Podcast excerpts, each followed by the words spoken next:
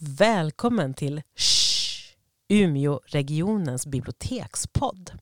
Jag heter Eva Gustavsson och är jätteglad över att berätta att det här inte är vilket avsnitt som helst utan en Barnens Littfest special. Det börjar ju bli något av en tradition att vi spelar in ett avsnitt helt vigt åt böcker och berättelser och samtal för dig som är någonstans mellan 3 till 12 år. I dagens avsnitt så har vi inte mindre än två olika författare på tråden. Och dessutom blir det massor av bra boktips från våra eh, bibliotekarier Katarina och Marcus. Häng med! Ja, hallå det är Peimane. Hej Peimane, det här är Eva Hej. Gustafsson från Barnens Hej, Littfest. Hej! Ja, vad roligt. vad roligt att du eh, hade möjlighet att prata en stund med mig. Ja, såklart. Jättetrevligt. För er som lyssnar så sitter alltså jag och Peimane nu på varsitt helt eh, olika ställen i Sverige eh, och pratar med varandra i telefon. Så vi ser inte varandra, men vi hör varandra.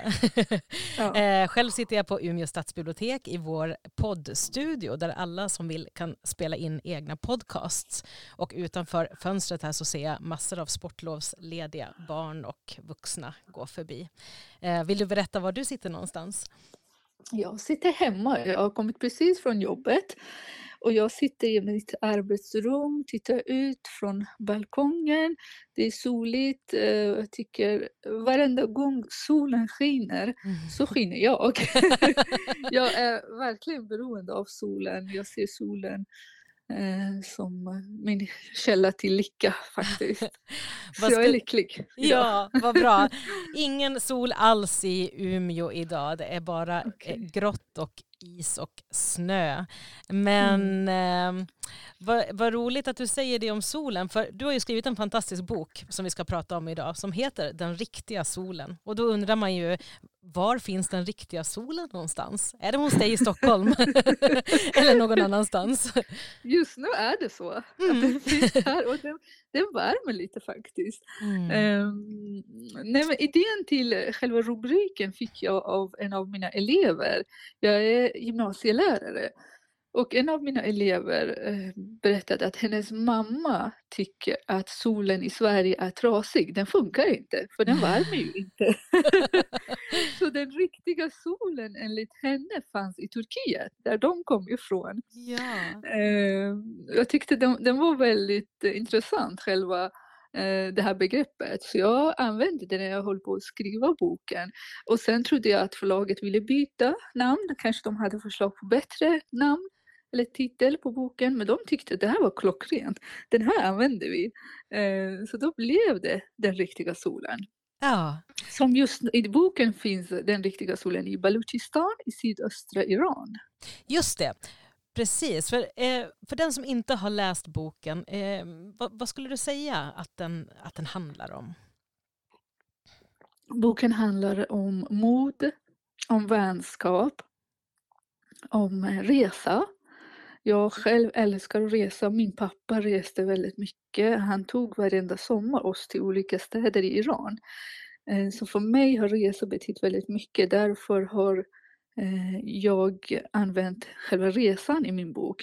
Eh, och jag har inte varit hemma i hemlandet på väldigt länge och jag har sån stor saknad och längtan. Mm. Eh, men jag har inte modet att resa tillbaka. Det har Salman. Så jag använde Salman, min huvudkaraktär. Jag skickade honom till Baluchistan. Mm, och han var modig. Han reste dit och upplevde väldigt mycket, eh, både bra och dåliga saker. Mm. Men han blev mycket rikare på erfarenheter och han växte otroligt mycket under den här sommaren när han var i Baluchistan. Det är ju verkligen en, en dramatisk historia. Jag tänker både eh, de yttre händelserna men också allt som händer med, med Salman under den här resan. Mm. Eh, jag är lite nyfiken på, började du skriva, var det för dig ett sätt att kunna resa till platser som du kanske inte kan resa till fysiskt? Det var det faktiskt. Just, just den här boken var det. Men jag började skriva för att jag hade inget annat val. Jag har försökt, jag har försökt i hela mitt liv att inte skriva. Eh, för jag började skriva när jag var ungefär 10-11 år. Det var, mm, det var eh, det hände något stort i den åldern. Jag är flicka, jag är född och uppvuxen i Iran och när man blir 9 till 10 år gammal då är man då kommer man in i puberteten och då är man kvinna. Så plötsligt ska man bete sig som en kvinna. Eh, och jag kommer väl ihåg när mamma tjatade så mycket om att jag skulle mm, vara hemma eh, istället för att vara ute på gården och leka med killarna. Jag älskade att cykla, jag älskade att eh, vara med barnen ute och smutsa ner mig och så. Eh, men sen fick jag inte det och jag tyckte det var så orättvist. Idag är det 8 mars, kvinnornas internationella dag. Um, så um, det betyder otroligt mycket för mig just den här dagen, för jag kommer ihåg hur det var att bli kvinna. Då blev jag eh, en människa som var tvungen att sätta sig hemma. Mm. Eh, inte vara ute som killarna. Då, då, blev det så tydligt skillnaden mellan mig och min bror. Brodern fick vara ute, cykla, eh, göra allt han kunde och ville.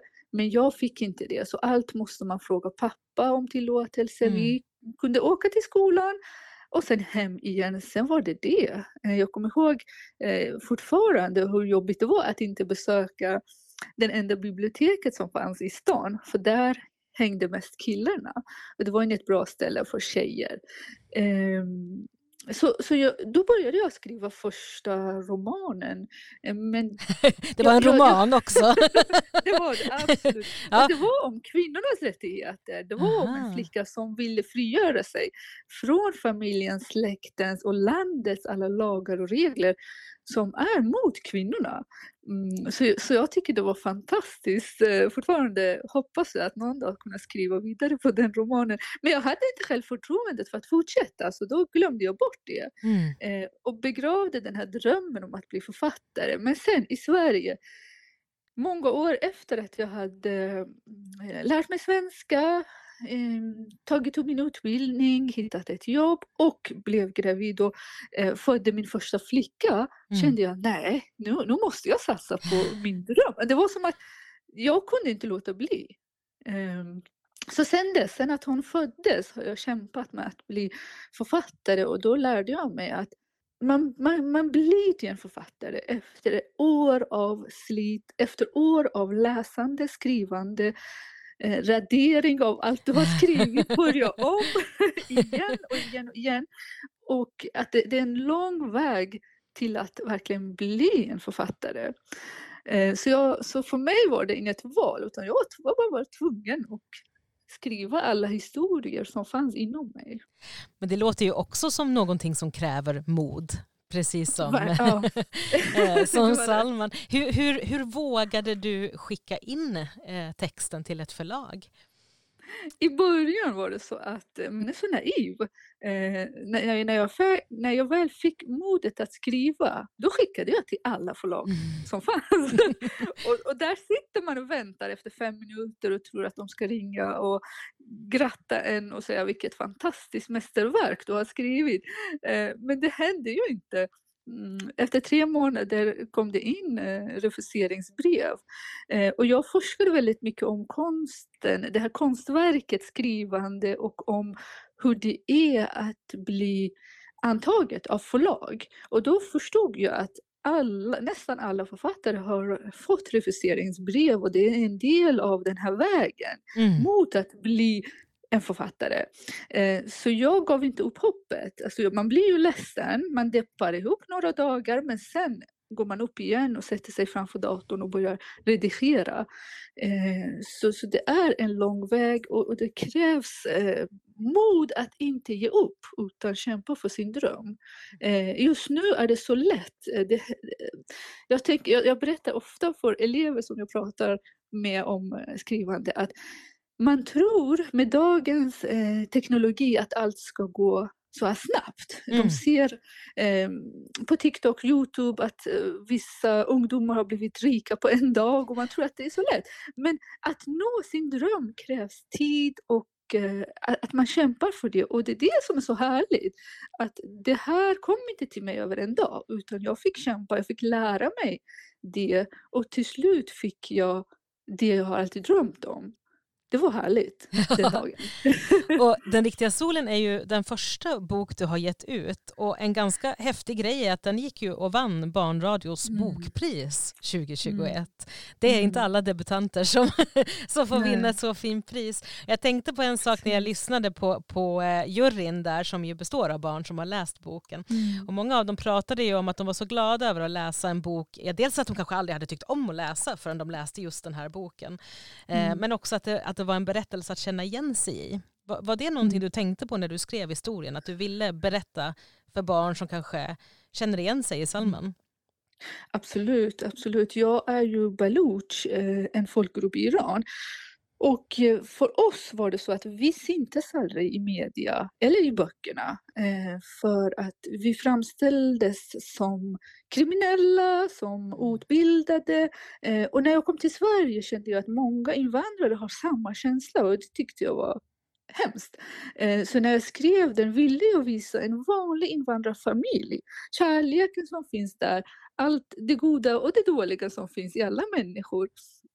Eh, och det glädde, glädde mig otroligt mycket när jag möter elever eller ungdomar som säger att det här är första boken som de har läst ut för att de kände igen sig. Eh, jag har haft elever som verkligen haft tårar i ögonen för att de bara, det här är jag, det här är min familj. Ja. Eh, och, och, det är en fantastisk eh, upplevelse att få vara med och väcka läslusten hos barn och ungdomar. Och apropå dina unga läsare så har jag faktiskt med mig några frågor från eh, två eh, barn i sexan som har läst Den riktiga solen. Spännande! är, är, du redo? Ja, eh, den, jag blir. den första frågan är ju då, hur kändes det att vinna pris? Otroligt. Det, det, var ofattbart. För jag har aldrig vunnit något i hela mitt liv. Jag har aldrig vunnit i någon tävling. Um, så det här var fantastiskt. Och speciellt viktigt var det att juryn var barnen. Mm. Uh, så det, det, här, det här priset kommer alltid betyda otroligt mycket för mig i mm. hela mitt liv. Mm. Nästa fråga är om Salman finns på riktigt. Salman är en del av mig, det är jag, det är min man, det är min, mina barn som inte har rest till Iran och inte har fått uppleva den här otroliga le, re, resan som många av barnen gör i, i verkligheten. Eh, Salman, ja, han finns på något sätt i verkligheten, absolut. Mm. eh, nästa fråga är, vad är bäst med Iran och vad saknar du med Iran? Eh, min familj saknar jag otroligt mycket. Mina föräldrar och mina syskon. Men sen solen saknar jag mm. otroligt mycket. Ehm, och maten. Vi har ju världens godaste mat höll jag på att säga. Men vi har väldigt många goda maträtter. Um, så naturen, folket, allt saknar ja. jag. Uh, det är så intressant att det här med hemlandet, för det här är någonting som mina elever har jobbat med, om hemlängtan, var hör man hemma och så. Ju mer jag har bott i Sverige, uh, som jag älskar otroligt mycket, jag ser Sverige som um, Sverige för mig är the American dream. Alltså mm. Sverige besannade alla mina drömmar. Allt jag har längtat efter har jag fått av Sverige och jag älskar Sverige otroligt mycket. Eh, men ju äldre jag blir desto mer saknar jag hemlandet. Jag vet inte varför.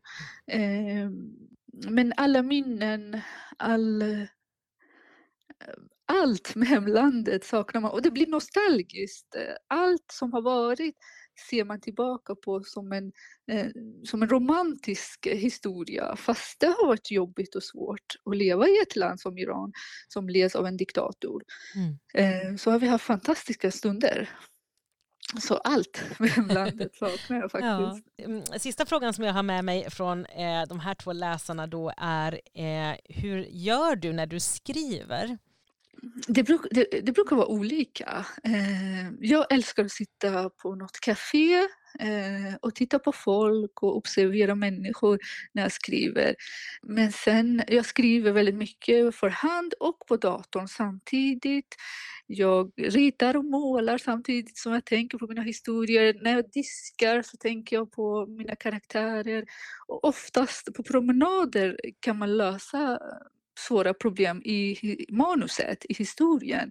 Plötsligt klickar det när mm. man mm. diskar eller promenerar eller gör något helt annat. Så det mesta sker inte framför datorn utan utanför, när man går runt och tänker på det.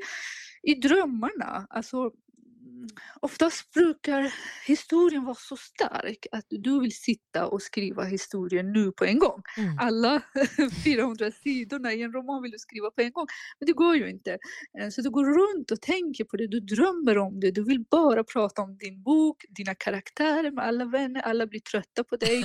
Eh, men så är det att vara författare. Eh, och till slut känner du att men nu, nu, nu har jag fått rätt ordning på historien och sen är det dags att redigera. Och redigeringen förstod jag i efterhand att um, det är en stor del av jobbet. För jag har alltid trott att alla stora mästerverk har kommit till för att um, alltså Hemingway, Dostojevskij, alla de här har skrivit det på en gång. Fast det mm. handlar om att de också skriver och raderar och tar bort eh, för att hitta kärnan i historien.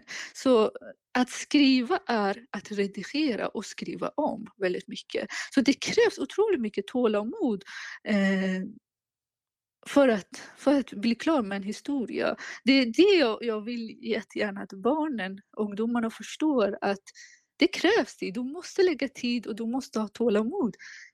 Sen när du ser resultatet Märker du? Det var värt varenda minut. Jag har suttit där och fått ont i ryggen och ont i rumpan och, och inte sovit och inte har gått ut och haft roligt utan jag har fokuserat under en period på den här, det här manuset, den här boken och sen blev den bra. Det är en otroligt eh, härlig känsla som jag hoppas att alla får uppleva någon gång. Mm. Oavsett vad man drömmer om, tycker jag. Det är samma det är samma procedur. Man kämpar och kämpar och sen eh, man misslyckas. Alltså misslyckandet är en stor del av lycka känner jag. Det är under alla misslyckanden som man, jag har lärt mig att bli en bättre författare.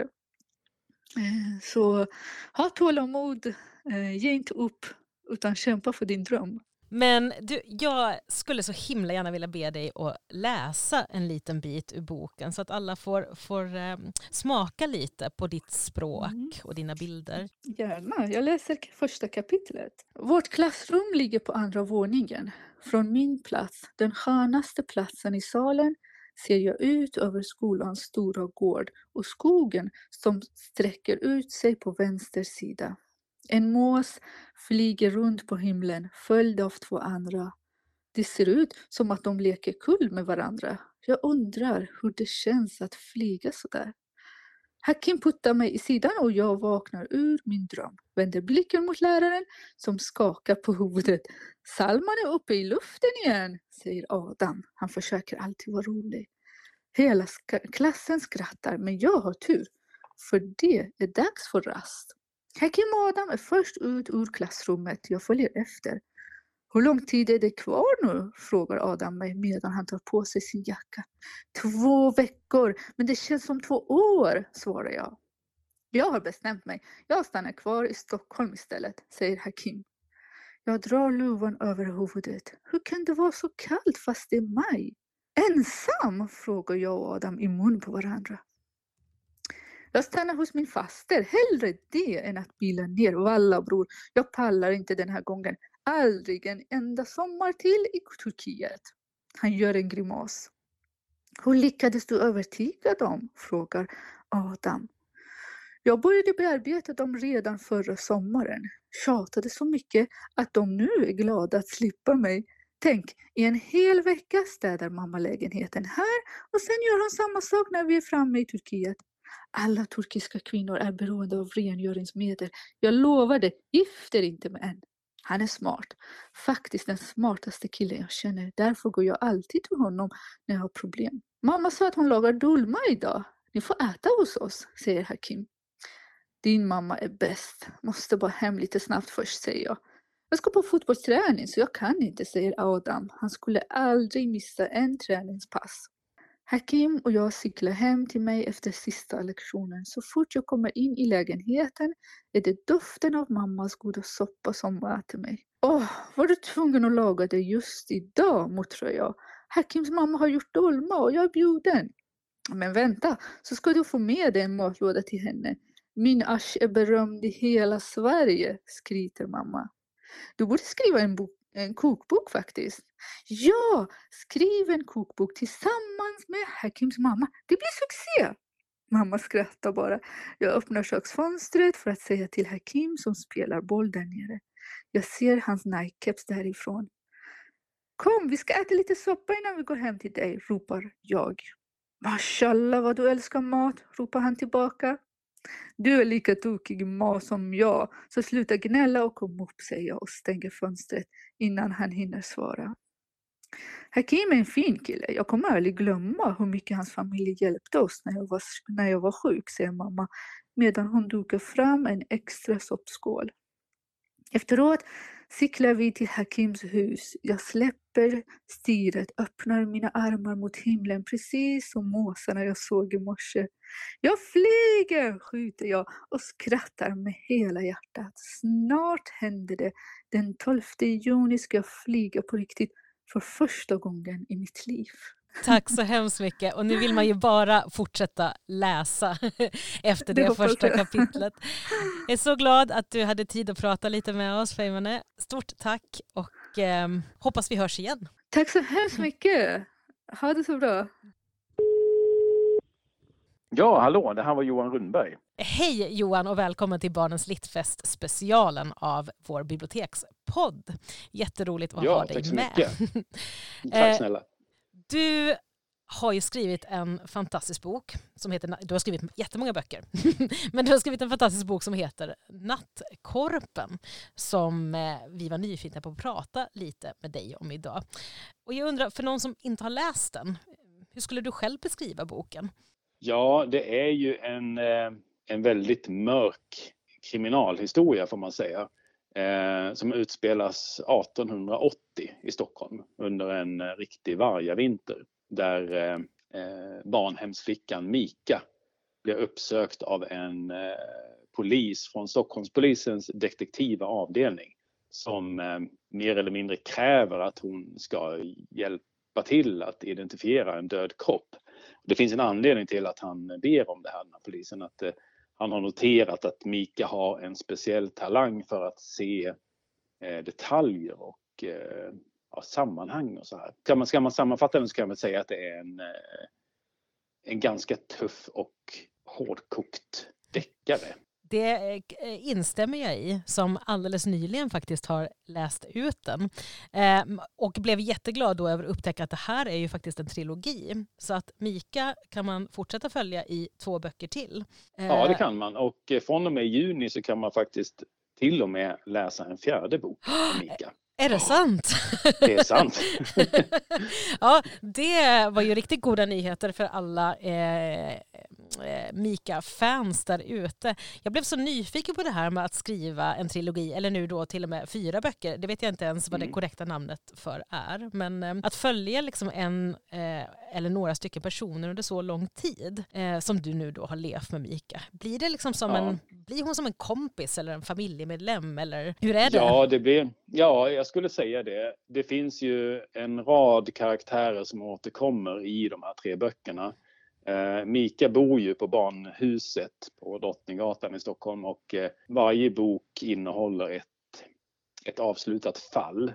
Mm. Samtidigt som det går en, en annan röd tråd genom böckerna där Mika söker sitt ursprung. Och det är en pågående tråd så att säga. Jag ska inte säga för mycket, men man får ett ganska stort avslut i den tredje boken. Just det. Är det så att man också kanske får möta några fler av de här barnhusbarnen som dyker upp? I... Ja, det är ju det att eh, det är fokus på olika barn i de olika böckerna kan man säga. Så att även om de har, det finns stora karaktärer som återkommer så är det fokus på lite olika barnhusbarn. Det måste ju vara ganska lyxigt för jag tänker när man skriver så blir det väl väldigt mycket man måste välja bort. Jag tänker man har en hel värld och massor av saker som skulle kunna hända och så måste man välja bort det. Men du har alltså bara fått fortsätta plocka in nya historier och nya människor i den här världen. Ja, det är jättelyxigt. Och eh, det är ju någonting när man fortsätter på en serie, det kan nog eh, de flesta vittna om som har gjort det, att eh, det är som att, ja, jag, kommer inte på någon bättre liknelse, men ta på ett par riktigt liksom, sköna använda jeans som sitter bra. Att man, de, man, har, man vet hur karaktärerna är, hur de är med varandra och vad de, hur deras relation ser ut och var den är på väg och sådär. Mm. Samtidigt som man kan plocka in en helt ny karaktär också. Det behövs ju, man måste ha nya för varje bok. Men det blir, man behöver inte återskapa hela världen. Just det. Det, det, ja, det, det, kan, det kan vara positivt och negativt förstås. Det är kul att göra något helt nytt men man vinner också en del. Som läsare så är det också skönt, det vet man ju själv, att få återkomma till ett universum så att säga som man verkligen tycker om och trivs i och att mm. man får återbesöka det och samtidigt läsa något nytt är ju härligt. det är det verkligen. Du har ju vunnit Augustpriset för Nattkorpen som är ett jättefint litterärt pris i Sverige. Ja. Och hur är det då att fortsätta skriva när man vet att en massa människor tycker att man är bra? Blir det lättare eller blir det svårare? Det blir både och. Jag hade ju den här otroliga lyxen av att det fanns redan två utgivna uppföljare till mm. Nattkorpen. Vilket är, om, jag kan bara tänka mig att om jag skulle ha satt mig ner för att skriva del två, en uppföljare till Nattkorpen efter att den hade fått Augustpriset, då hade jag haft lite skaparångest. Lite prestationsångest. Det hade jag nog haft. För, eller, jag, ska inte, jag ska inte säga ångest för att det är en lyx. Jag ska inte använda det ordet egentligen. För att plötsligt är det en massa människor och barn som vill läsa vad jag skriver. Det är mm. jättehäftigt. Men man känner ju ofrånkomligen en viss press. Och det slapp jag lite grann. Just det. Eftersom uppföljarna redan fanns. Och sen skulle jag ju i och för sig, då hade jag ju satt igång med fyran. Och jag kan väl tycka att den pressen som jag har känt med den har varit helt, helt tillräcklig. För det gör man. Jag, jag, känner alltid det när jag, när jag gör någonting som jag, som jag vet kommer att komma ut. Jag vill att det ska vara så bra som möjligt. Mm. Och jag ställer krav på mig själv och så här. Och, och det kan vara både, det är både härligt och lite nervöst förstås. Aha. Ja, men på det stora hela så, så slapp jag ju faktiskt det där. Eh, att, att följa upp en, en Augustvinnare. Jag pratade innan eh, med Peivan Molatzei som har skrivit den riktiga boken som vi också hör mm. i den här podcasten. Hon pratade också om skrivandet som, som ett sätt att resa till platser men som man kanske inte kan besöka i verkligheten. För hennes del handlade det om hemlandet Iran då. Men jag tänkte ja. om du skulle resa i tiden till det här 1880-tals Stockholm. Vad tror du att du skulle ha gjort där och vem skulle du ha varit? Och skulle du trivas? Ja, vad skulle jag ha gjort? Framförallt så skulle det vara underbart att få besöka staden som jag har studerat får man väl ändå säga. Alltså jag har mm. gjort jättemycket research och så här inför böckerna. Och att få gå på gatorna och se exakt hur det såg ut och så här. För att staden är ju som en karaktär. Den är ju, i de här böckerna så är den ju otroligt viktig. Så att snarare än att välja en karaktär så skulle jag nog välja att säga att uppleva staden. För Just det. Eh, det känns ju som att jag har gjort det. Men det har jag givetvis inte utan jag skulle, skulle jag få den möjligheten att verkligen åka tillbaka så, så skulle jag ta en promenad runt Ja, på varenda gata tror jag. ja, för det kan jag ju säga att även för den som läser så känns det verkligen som att man är där eh, och känner lukterna och hör ljuden och fryser. Det är ju en rå vinter i nattkorpen. Jag har ju en annan läsare med mig i poddstudion här idag. Eh, ja, just det. som heter Leif och är tio år. Och han eh, ja. har precis läst ut Nattkorpen och skulle vilja ställa några frågor till dig. Går det bra? Ja, absolut. Ja. Hej! Hej Leif! Eh, kul att eh, prata med dig och roligt att du har läst eh, Nattkorpen. Ja, men detsamma. Eller, ja, då hade jag ju några frågor till dig. Ja. Ja. Min första fråga är, gillar du Pyttipanna? Alltså den där eh. scenen i boken när Ja. Mika för första gången äter pyttipanna. Ja, den är lite så här njutningsfullt eh, beskriven. Va? Ja, Hon tycker att det är så gott. Ja. Eh, Hon har inte ens hört talas om pyttipanna förut utan det blir som en helt ny grej för henne. ja, Eh, Det där är faktiskt en sak som... Ja, jag, jag gillar ju pyttipanna. Men jag har också en grej som jag berättade om senast idag när jag var på ett skolbesök i Ängelholm och då frågar barnen alltid en massa saker och då frågade en, en kille att ja, vad har du för favoritmat? Och då sa jag att jag gillar ungefär samma mat som man äter i böckerna om eh, Mika. Jag tycker jättemycket om så här, sill och potatis och sådana saker. Och jag tycker barnen att det är lite konstigt. Ja. Eh, men eh, pyttipanna är ju en sån där rätt som jag kände Mika blev, dels blev hon förvånad att det finns kött överhuvudtaget. Hon har inte Ja. sett kött på hur länge som helst. Och eh, att hon får äta riktig mat. Hon får äta en ny spännande rätt. Och den är liksom allt som hon inte har fått på jättelänge. Det är fett och kött och det är varmt och gott. Så det- det, det, är ju, det ska ju kännas att man ska ju, man ska ju känna smaken lite grann. Man ska känna det Ja. Mika smakar där känner jag. Ja, Men det slutar Det ju lite jag. sorgligt. För visst är det så att hon kräks upp hela måltiden? ja. Ja, hon eh, äter ju för snabbt och hon, eh, det går ju inte när man har levt på svältgränsen så länge. Då, Mm. det, det funkar inte. nej. Så att, eh, det är ju lite sorgligt att hon kräks upp den här fina maten då. Som, som råttorna sen slåss om. Det blir en ganska otäck scen. ja, verkligen. Ja, Ja, råttorna är ju nästan som en, som en tredje huvudperson i den här boken kan man säga. Som, ja, det är de. ja. Eh, min andra fråga är, har du husdjur precis som eh, Valdemar Hoff? Ja, Valdemar Har han har ju sin eh, katt Lucifer. Ja, Eh, och det har jag inte. Däremot så har jag en kanintax som heter Lloyd. jaha, spännande Och han- fakta. Ja, Ja, och han skulle inte klara sig på 1880-talet, det kan jag säga med en gång. Du, jag vet att du hade någon mer fråga Leif. Ehm, hur kom du på, liksom, hur fick du inspiration till Nattkorpen och de andra böckerna? Ja, då hade jag, jag hade en idé om en ung person ehm, som hjälper polisen att lösa allvarliga brott. Mm. Men jag, hade, jag kunde inte riktigt eh, komma vidare med den idén. Jag kände att den hade någonting, men jag visste inte riktigt vad jag skulle göra av den. Eh, och sen så var jag med mina barn på eh, eh, Långholmens fängelse. Det finns ju, det finns ju på eh, riktigt? eh, Långholmen, ja, eh, strax söder om centrala Stockholm. Eh, vi brukar vara där för att bada och då besökte vi fängelset. Ja. Och det är ett museum och ett hotell nu så man kan gå in och titta eh, i en cell och sådär.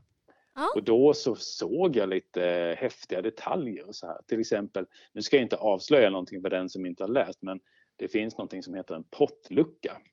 Eh, som har en ganska viktig roll i nattkorpen. Och den finns på riktigt, den kan man gå och titta på där på fängelset. Och när jag Coolt. såg den så, mm, faktiskt, då fick jag lite, då fick jag en känsla. liksom, Men, tänk om den här berättelsen som jag har på gång, tänk om den skulle utspelas på 1800-talet istället. Så att då började saker och ting så falla på plats kan man säga. Ja. Eh, En annan sak som jag hade känt det var att jag ville att polisen skulle tvinga den här unga personen att hjälpa till vid en mordutredning. Ah, Och det får polisen inte göra. nej, Polisen får inte tvinga barn att som delta i utredningar. nej. Men på 1880-talet, då fick de göra det. Ja, att, eh, ja, så det var lite så det gick till. spännande. Det var Ja. allt för mig. Härligt, vilka Ja. bra frågor. Tack. Tack själv. Då sticker jag nu. Tack så mycket Leif. Jajamän, ha det så bra. Varsågod. Hej då. Hej hej. En, en sista fråga till dig var ju om, om du skulle ha lust att eh, läsa ett litet stycke högt för oss ur boken. Visst kan jag göra det. Eh, jag tänkte läsa en liten, eh, ett litet avsnitt när eh, Mika konfronterar Valdemar. Jag hoppas att jag inte avslöjar för mycket, men jag tror att man, man får en eh, man får en känsla av deras eh, relation, liksom, hur de är mot varandra och vad, hur boken låter helt enkelt. Tidningspappret fasar i kängorna när Mika går fram mot den sittande Valdemar. Livet framför mig, fräser hon och känner hur ilskan sätter fart på blodet. Vilket liv! Orden bara kommer, någonstans inifrån. Hon får en impuls att sätta handen framför sin egen mun. Men istället låter hon rösten göra som den vill. Ingen familj har velat ha mig och nu är det för sent. Jag kommer att hälla upp öl till fyllon på kapellet tills någon gör allvar av hoten och skär mig på riktigt. Eller så dör jag när veden tar slut. Om inte den här vintern så nästa. Nattkroppen mördade ett barn. Nästa gång blir det kanske någon från barnhuset. Om jag kan hjälpa till att fånga honom så har jag gjort något med mitt liv, även om det skulle innebära slutet. Och du, hon pekar på Valdemar, du har ingen rätt att vägra mig. Förstår du? Valdemar ser spak ut. Jag lovar. Lova inget du inte kan hålla, avbryter Mika. Menar du allvar med det där du sa till läkaren om att jag är din medhjälpare? Valdemar nickar. Att vi har kommit så här långt är till stor del din förtjänst. Då gör vi det här tillsammans. Med hjärtat hamrande i bröstet sträcker Mika fram handen. Valdemar ger henne en misstrogen blick. Du vill att vi tar i, tar i hand på ett beslut som kan innebära vår död. Wow. nu, vill jag gå hem, ja, nu vill jag gå hem och läsa om hela boken igen. Tack så mycket. Och om det är någon som lyssnar som inte har läst Nattkorpen så kommer de ju inte kunna låta bli efter det här. Tack så jättemycket Johan. Det har varit så roligt att prata med dig eh, och eh, särskilt att få den här fantastiska nyheten om en fjärde bok om ja. Mika och eh, Stockholms eh, 1880-tal. Det ser vi väldigt mycket fram emot och eh, ja, jag hoppas att vi får chans att kanske välkomna dig till Barnens Littfest i Umeå nästa år. Det hoppas jag. Ja, hej då. Hej då. Mitt första boktips är Emilia och pojken från havet av Annette Schapp. Den handlar om Emilia som bor i en fyr med sin far som har träben och dricker för mycket. Något som gör att Emilia får göra allt arbete själv i fyren. Under en hemsk storm märker Emilia att hon har glömt att köpa tändstickor till fyrlampan och ett fartyg slås sönder mot klipporna vid fyren. Som straff blir fadern inspärrad i fyren och Emilia tvingas arbeta som städare i sju år hos en amiral som bor i ett spöklikt hus där det påstås bo ett monster. Emilia blir vän med hushållerskan i huset och hennes son men är ständigt nyfiken på det där rummet hon är förbjuden att gå in i. Emilia är en härlig och cool tjej som lyckas bli vän med de flesta, både hundar, havsmänniskor och argsinta hushållerskor. De hopplösa fallen överlistar hon. Det här är en mäktig historia. Det är en bok som är både realistisk och magisk, läskig och rolig på samma gång. Precis som en bra saga ska vara. Ungefär som Häxan av Roald Dahl. Och utan avslöja för mycket så är slutet så himla bra. Hokus pokus av Fabian Göransson. Kanske har du läst serieböckerna om Ida, häxan med den svarta hatten. Och om inte, och om du gillar att läsa serier, så tycker jag verkligen att du borde kasta dig över dem. Serien heter Hokus pokus och böckerna handlar en hel del om magi, men också rätt mycket om mer eller mindre besvärliga kompisar. I den senaste delen som heter Vargarnas fest är Ida och hennes familj på väg till gammelmoster Inga som bor väldigt ensligt till. En konstig, lite hemmagjord avspärrning på vägen gör att de måste ta en annan, mycket mindre väg. Snön börjar vräka ner och det var länge sedan de fick i sig någon mat. Men som tur är finns det en restaurang vid vägen mitt ute i skogen som heter Laban Bolls krog. De som arbetar på restaurangen är väldigt trevliga och det är varmt och skönt där inne och de får mycket mat. Men Ida tycker ändå att någonting verkar vara skumt. Och när hon snokar runt och smygkikar in i köket gör hon en fruktansvärd upptäckt. Hittills har det kommit fyra böcker om Ida och den senaste heter alltså då Vargarnas fest. Jag vill ha en hund av Kitty Crowther. Miss Mille avskyr två saker. Det första är tidiga morgnar och det andra är skolan. Men hon älskar hundar. Problemet är att alla i skolan har en hund förutom hon. Varje morgon tjatar hon på sin mamma att de bara måste skaffa en hund. Det spelar ingen roll vilken. Och en morgon säger mamma till Milles stora förvåning Ja, villkoret är att de ska hämta det på ett hem för övergivna hundar. När de kommer dit vet Mille inte vilken hund de ska välja. Det finns ju så många fina hundar att välja mellan. Tills hon får syn på Prins. Då finns det ingen tvekan. Sen kommer den stora dagen då Millie ska visa upp Prins för de snobbiga tjejerna i skolans hundklubb. Mm, men det blir inte alls lika imponerande av Prins som Mille var. De tycker Prins ser ut som ett minifår och skrattar elakt åt Millie och hennes fåniga hund. Mille blir helt bedrövad. Men det visar sig snart att Prins är en hund med oanade talanger. Det här är en rolig och underfundig och moralisk på en och samma gång. Samt med massor, massor av underbara hundar. Jag vill tipsa om Kungens grav av Elisabeth Östnäs. Den här boken utspelar sig under vikingatiden. Det handlar om Disa som är kungadotter i ett litet rike. Hon har en tvillingbror som heter Odd som också är hennes bästa vän. En dag kommer iskungens folk till deras rike. Först verkar de vara vänskapligt sinnade men sen händer något fruktansvärt. På natten dödar isfolket nästan alla, även Disas föräldrar och Disas tvillingbror Odd. Disa klarar sig på grund av att hon gått och lagt sig tidigt och sovit väldigt djupt den natten.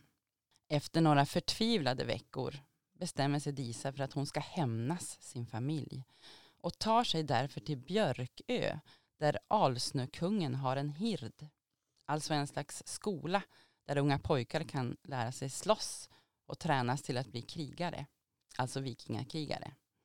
Hon klipper av sig håret, tar på sig pojkkläder och kallar sig för Odd. Hon är bra på att slåss och får börja i hirden. Men det är en väldigt tuff skola. Hon är hela tiden rädd för att de ska upptäcka att hon är en flicka. I boken får vi också möta Sunna som är dotter till Iskungen. Hon är nu hos Asnökungen för att snart ska gifta sig med hans son Dag.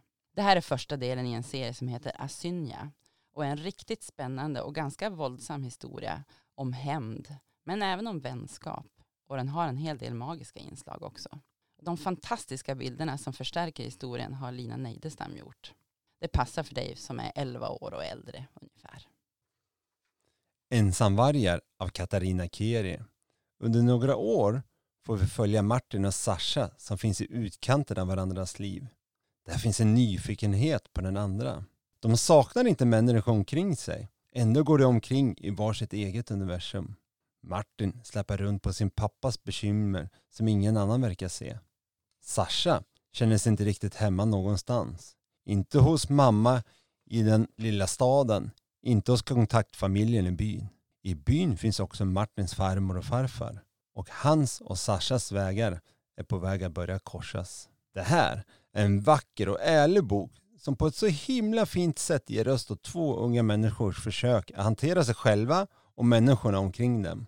Här finns skildringar av oro, kärlekspirr, mod, om ansvarstagande. Allt berättat på ett stillsamt men ljuvligt sätt. Vi får små hintar om vad som hänt tidigare och inget är förutsägbart. Djur med superkrafter av Ulla Karlsson Ottosson. Det här är en faktabok där vi får möta 18 olika djur som har speciella och märkvärdiga krafter som vi människor gärna vill ha eller kunna använda oss av. Till exempel den lilla kolibrin har supersnabba vingar. De tar upp till 80 vingslag per sekund och rör sig så fort att de nästan blir osynliga. Upp och ner och till och med bakåt, ja, åt alla håll.